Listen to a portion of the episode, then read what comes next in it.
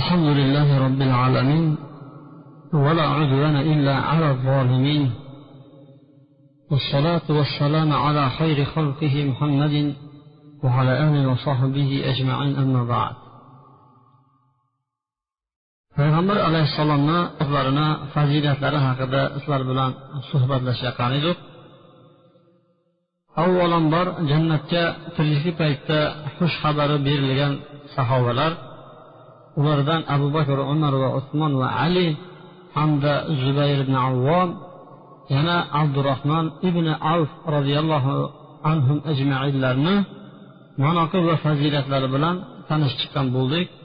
Ko'proq kitobimizni ahmad ibn hambalni sahobalar hayoti haqidagi kitobidan foydalanyapmiz. Bugungi sizlar bilan o'rganadigan sahobamiz bu kishi ham tiriklik paytida jannat xabarini olib ketgan sahobalardan bo'ladi. Abu ubayda amr ibn jarroh u kishi islomni qabul qilgan paytlarida hali payg'ambar alayhissalom doril arqam deb qo'yadi ya'ni arqam ibn abil arqam degan kishini uyida islomni o'rganishlik uchun maxfiy suratda islom avvalda yig'ilishardi. Shu uyga hali yig'ilishmasdan turib iymon keltirgan ekan. Ko'pchilik muhojirlar u uyga kirib bo'lgandan keyin nima qilgandir keyin musulmon bo'lishgan. Ammo avvalgi musulmon bo'lgan kishilarni qatorida mana abu ubayda roziyallohu anhu ham bor ekan. Abu ubaydani otlari omir bo'ladi dadalarini oti esa jarroh bo'ladi. U kishi birinchi hijratga ham ikkinchi hijratga ham borgan ekan. Birinchisi habasistonga bo'lgan edi ikkinchisi madinaga bo'lgan edi.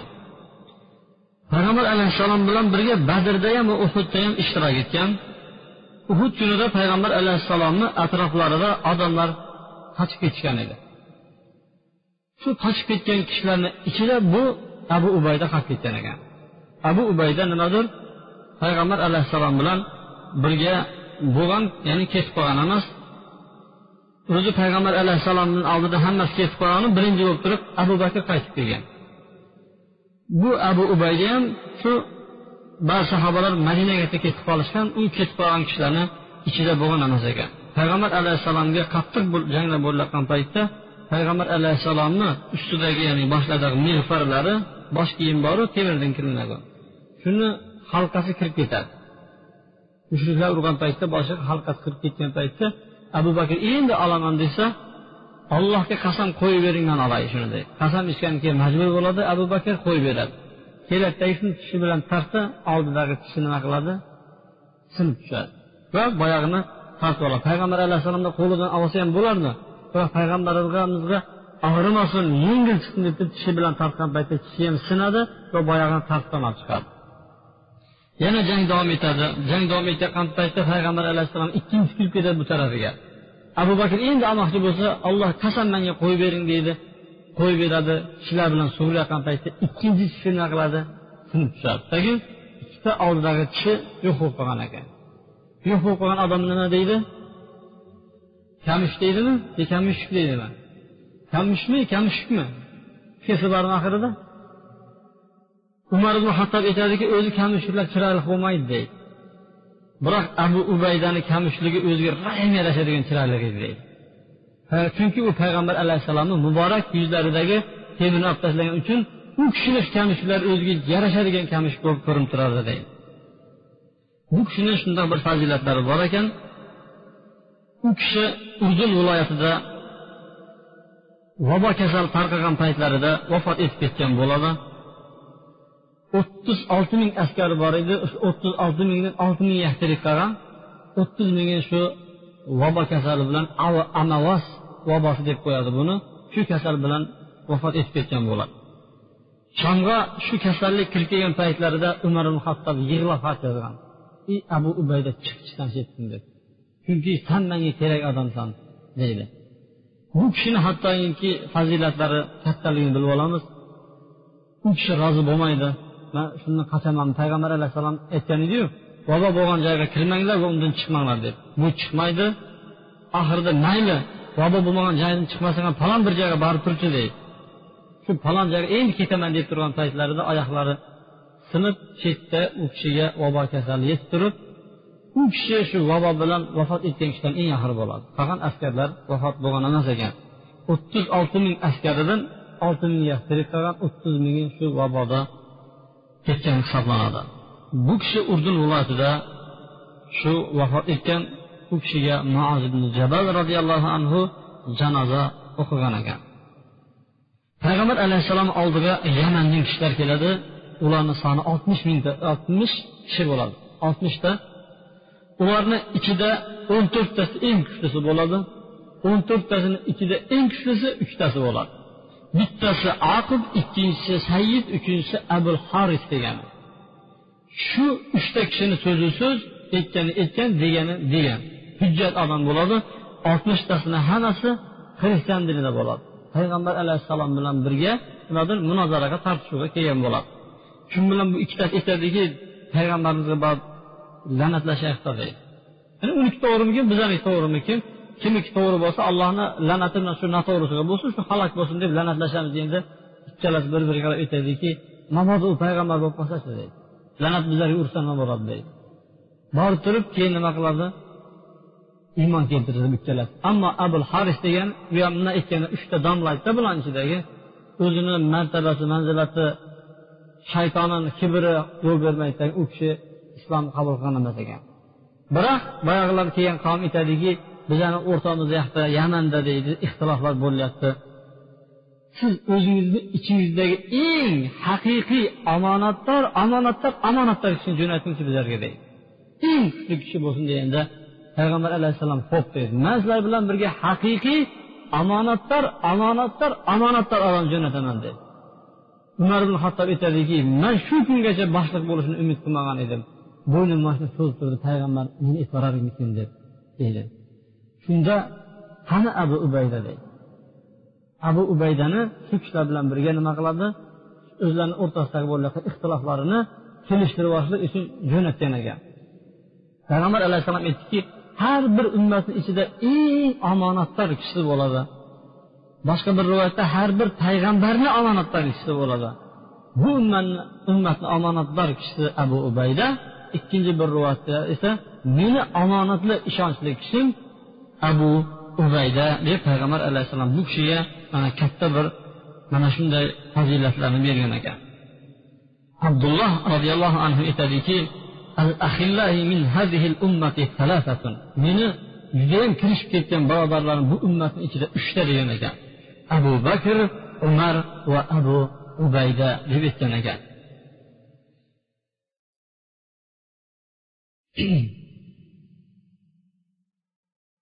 umar roziyallohu anhu o'zi bu kishini shomga voliy qilib jo'natgan ekan. Abu bakrni davrlarida halid ibn valid boshliq edi. Bu kishi abu bakr vafot etishlari bilanoq umar roziyallohu anhu xat jo'natgan ekanki holid ibn valid ishdan chetlansin chetlatilsin o'rniga abu ubayda bo'lsin deb shu xati jang bo'layotgan paytda yetib kelgan judayam qattiq jang ketayotgan edi. Abu bakr o'ldi umar man xalifa bo'lib tayinlandim ey holid siz tushirildingiz o'rningizga abu ubayda bo'ldi deb turib jo'natib yuborgan holid ibn valid boyag'ini nima qiladi bermay turadi.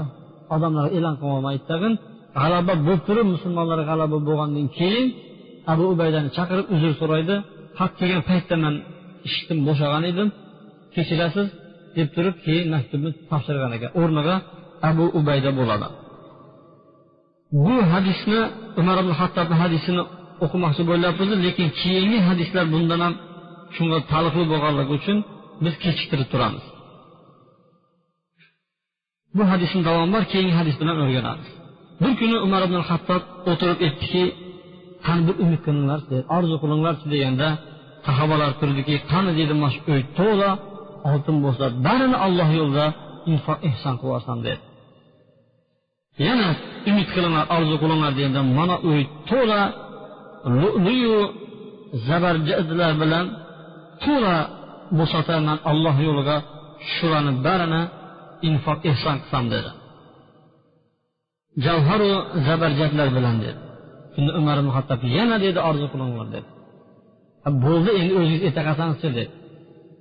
Degan paytda u sahobalar bizlarga o'xshab aytmagan ekanki yuz ming dollar pulim bo'lsada yangi payatni kamera olsam yuz ming dollar bo'lsada undoq bundoq qilsam deb turib keyin oxiri kallasiga achib qurdirsam yo'ldan to'g'ilatsam deb nima qiladi? Keyin ular hayol keltiradi.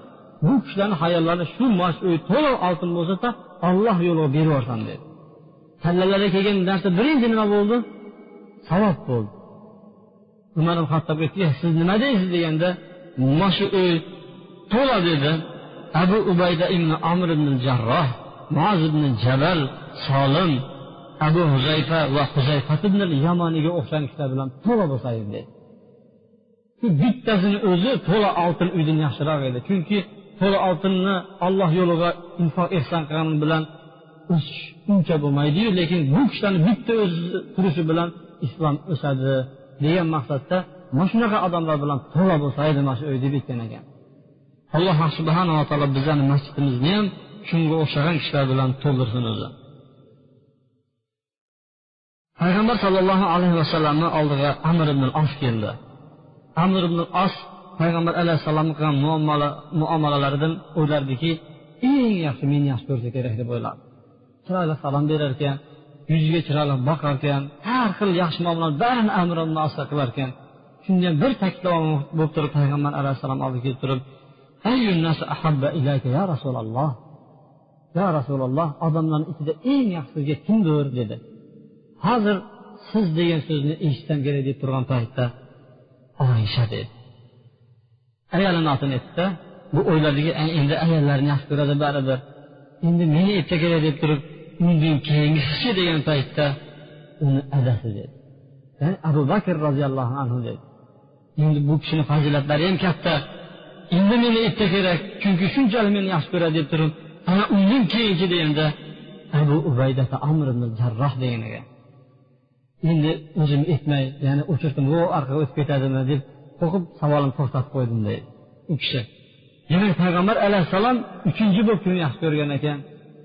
Abu ubayda amr ibn jarrohni yaxshi ko'rgan ekan. Hattoki umar ibn hattobni ham mana shu yerda payg'ambar alayhissalom zikr qilgan emas ekan. Payg'ambar alayhissalom aytdiki ashoblarimni ichida bittasiga seni mana xulqing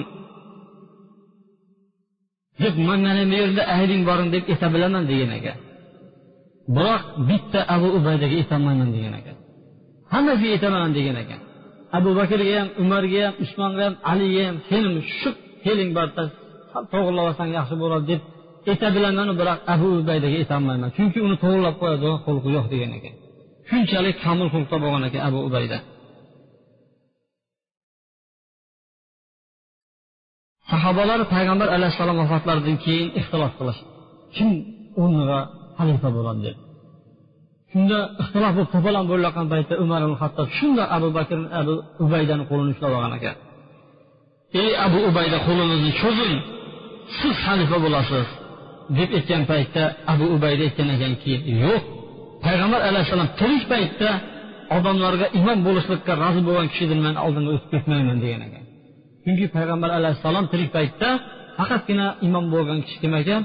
Abu bakr roziyallohu anhu edi. Undan man o'tib ketmayman degan ekan. Hattoki bu kishi shunchalik darajada birinchi bo'lib xalifa bo'lishlikka nimadir yaroqli bo'lgan kishi ekan. Umar ibn hattob bir kuni aytadiki agar abu ubayda tirik bo'lgan paytda albatta uni hech kim bilan maslahatam mashvarat ham qilmasdan xalifa qilib qo'ygan bo'lardim degan ekan. Bular u kishi o'lib ketgan edi. Boya vabo kasalida chaqirtirib olgan edi iltimos buyoqqa chiqchi degan edi. Chiqishini sababi nimadir? U kishi o'zidan keyin xalifa qilib ketardi shu kishini. Biroq u kishi xalifa bo'lishlikka nimadir nasib qilmagan ekan umar ibn hattobdan oldin vafot etib ketgan. Erta kunda alloh taolo so'rasanki nima uchun san abu halifa abu ubaydani xalifa qilding desa chunki u olloh va uni rasulini omonatda ishonchli kishi deb payg'ambar aytib ketgan edi. Shuning uchun man uni xalifa qilardim degan. Oysha roziyallohu anhuga ikki savol berishdiki payg'ambar alayhissalom tirik paytda agar bir odamni xalifa qilib ketgan paytda kimni qilgan bo'lar deganda abu bakrni degan ekan. Undan keyin kimni o'zlari xalifa qilgan bo'lar deganda umarni degan ekan. Undan keyinchi desa abu ubaydani xalifa qilib ketgan bo'lardi degan ekan. Payg'ambar alayhissalomni ayollari oysha onamiz payg'ambar alayhissalom sirlarini albatta bilardi yana hali kechiktiramiz degan hadisimiz mana bu yerda edi. Umar ibn hattob aytdiki agar abu ubayda tirik bo'lgan paytda abu ubaydani xalifa qilib ketgan bo'lardim. Qiyomat kunida alloh taolo meni turg'izib ey umar nega san bu abu ubaydani xalifa qilib ketding? deb mandan so'raydigan bo'lsa man seni payg'ambaringdan eshitgan edimki har bir ummatni omonatdor kishi bo'ladi. Bu ummatni omonatdor kishisi abu ubayda degan gapini eshitgan edim. Shuning uchun uni nima qildim? Xalifa qildim deb javob bergan bo'lardim. Biroq u kishi yo'q deydi agar solim mavlo abu huzayfa ham tirik bo'lgan paytda shu kishini xalifa qilib ketgan bo'lardim. Alloh taolo so'radiki ey umar nega sen solimni xalifa qilding? deb agar savol beradigan bo'lsa ey robbim man seni payg'ambaringdan eshitgan edimki bu kishini olloh va uni haqiqiy nimadir olloh va uni rasulini haqiqiy qalbidan yaxshi ko'radi deb payg'ambarim aytgan edi. Ana shuncha xalifa qildim deb javob bergan bo'lardim deydi. Muoz ibn jabal agar tirik bo'lgan paytda man u kishini xalifa qilgan bo'lardim.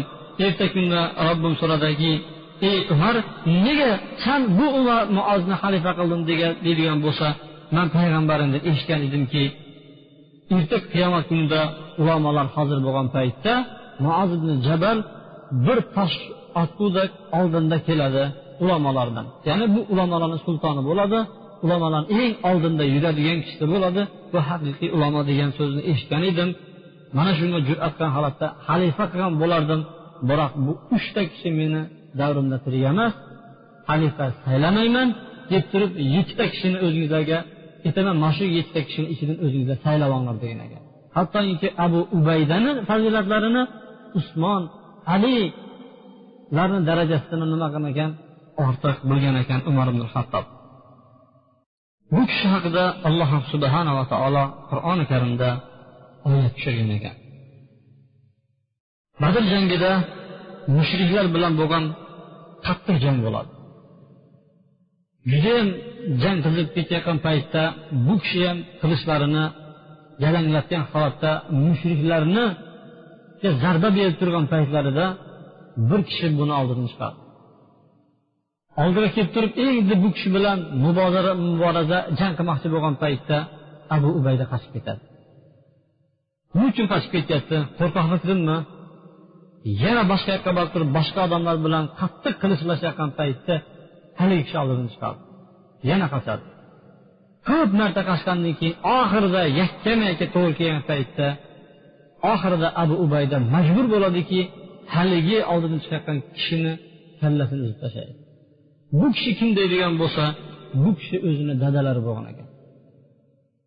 Uch to'rt marta oldidan chiqqan paytda u kishini adasini hurmati bo'lganligi uchun kallasini chopmadi oxirida nima qildi?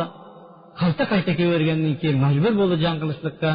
Tarix ulamolar aytadiki bu aslida o'zi adasini kallasini chopmadi balki adasidagi shirkni chopdi deydi ya'ni adalari mushrik edi shuning uchun bu kishi adasini kallasini yulgan ekan alloh subhanava taolo bu haqida oyat tushiradiki لا تجد قوما يؤمنون بالله واليوم الآخر يوادون من حاد الله ورسوله ولو كانوا آباءهم أو أبناءهم degan oyatlarni tushirdi ba'zilar adasini o'ldirdi degan gaplar tarqatgan paytda alloh taolo oyat tushirdiki olloh va oxiratga iymon keltirgan qavmlarni olloh va uni rasuliga qarshi chiqayotgan odamlarni do'st tutayotganini topmaysiz agarchi o'zlarini dadalari bo'lsa ham abnahum farzandlari bo'lsa ham aka ukalari bo'lsa ham ashiratahum yaqin qarindoshlar bo'lsa ham do'st tutayotganini ko'rmaysiz. Chunki ular alloh va uni rasuliga qarshi chiqyapti degan ekan. Bu oyatlardan bir odam ta'sirlanib borib adasini urib o'tirmasin. Borib turib adasini so'kib o'tirmasin. Chunki shunday bir sahobalarga adalari payg'ambar alayhissalom haqlarida qattiq bir tuhmatlarni qilgan paytda ham adalarini oldiga kelib bosh egib turib biron bir qattiq so'zni ham aytishgan emas edi sahobalar va ketgan emas edi. Faqatgina bu jang maydonida bo'lganligi uchun uch to'rt marta qochib ketdi. Oxirida bu kishi qatl qilinmasligi uchun bu majbur bo'ldi adasidagi shirkni chopishlikqa shuning uchun bu hadisni bilib olmanglarki adangizlarga borib qattiq gapirib o'tirmanglar. Abu ubayda adasini kallasini chopgan ekan man unga qattiq gapiraman deb turib qattiq gapni gapirishlikka undoq jur'at qilmanglar chunki bu haqida oyatlar borki agar ota onangiz bilmagan holatda manga shirk keltirishga buyursa deydi ankabut surasida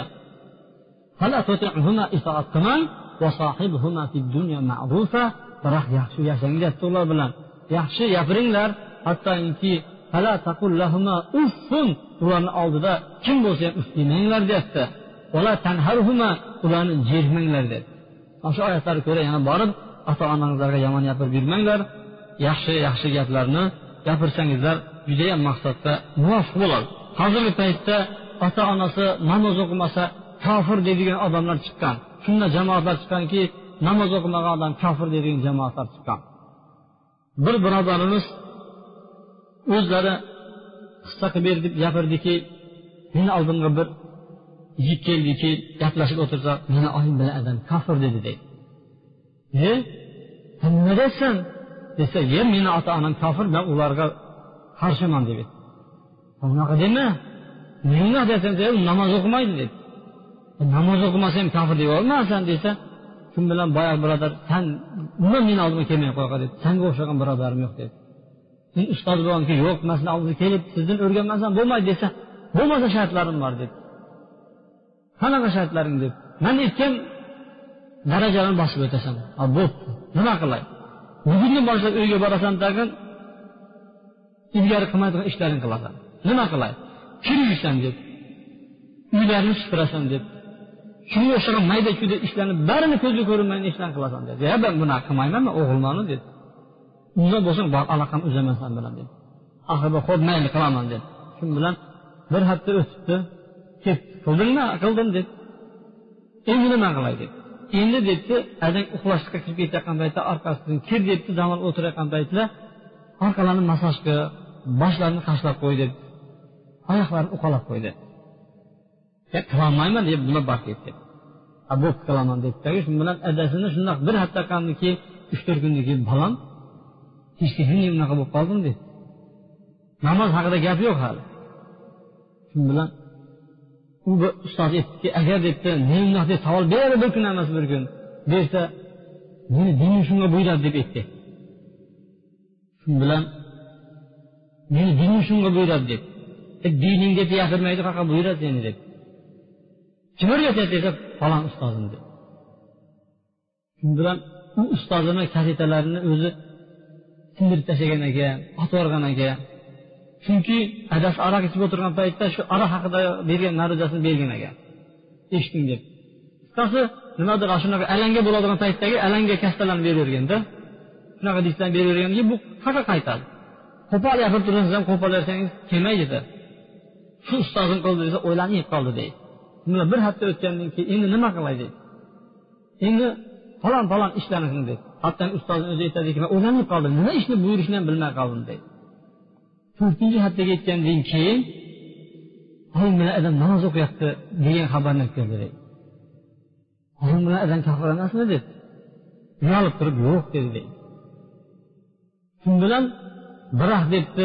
Islomiy to'yga hijobga ruxsat bermaydi deydi payg'ambarda debdi. O'zi namoz o'qigan bilan hozirgi paytda bor shunaqa bilan adalar. E man unaqa to'y qilmayman man yeb ichib qo'yganman. Talay yurtigini yeb ichib qo'yganman deydigan odamlar bor deb shu bilan yo'san borib aytdi oyim adamga oy ada siz menga qaysi qizni olib bersangiz man roziman deb aytdi yo'q rozi bo'lsa anaqa qizni olib beraveradi dedi yo'q san borib ayt deb shu bilan borib oy ada debdi. Sizlar qaysi qizni menga olib bersangizlar man roziman dedi shu bilan oyiz bilan adasi shunday qilamizu balki namoz o'qiysanda bari hijobli deysanu deb. Yo'q sizlarga topshirdim desa mayli bolam debdi o'zing topaqaysiz biz rozimiz shunga deb. Shu bilan qizni topgandan keyin hijobli qiz olib keldim biroq adam kallasi qatiyib qoldi islomga to'y qanday qilaman deb. Shu bilan boyagi ustoz kelib tushuntirib sizni to'yingizga manaqa manaqa domlalarni olib kelaman. Bu domlalar barini ma'ruza qilib beradi deb aytgandan keyin adasi ham rozi bo'ldi. Shu birodarni yaqinda to'yini o'tkazdik deydi musulmoncha qilib qaytda endi oyim bilan adam kofir degan odamlar qaytdayu mana bu nimadir uslublarni qo'llayotgan odamlar qaytda. To'g'ri odamlar dinni tushunmagandan keyin kommunist bo'lib o'tgandan keyin shu dinsizlik bo'lgan paytdan keyin buyog'ini amallar bilan yuraveradida uyga siz islom amallarini olib kiring chiroyli xulqlar bilan kirib keling uyingizdagilar ham biyingiz ham singlingiz ham adangiz ham hammasi islom dinini nima qiladi? Qabul qiladi. Demak uyga borib turib yana abu ubayda adasini kallasini chopgan ekan deb turib qo'pol nonlarni yig'ishtirasizlar. Buni holati boshqacha holat edi.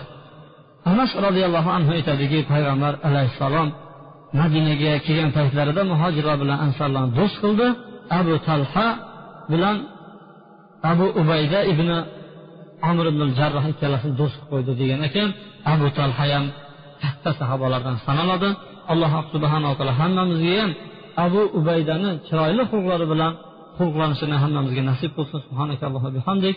أشهد أن لا إله إلا أنت أستغفرك وأتوب إليك وصلى الله وسلم على عبدك ونبيك محمد وعلى آله وصحبه أجمعين برحمتك يا أرحم الراحمين.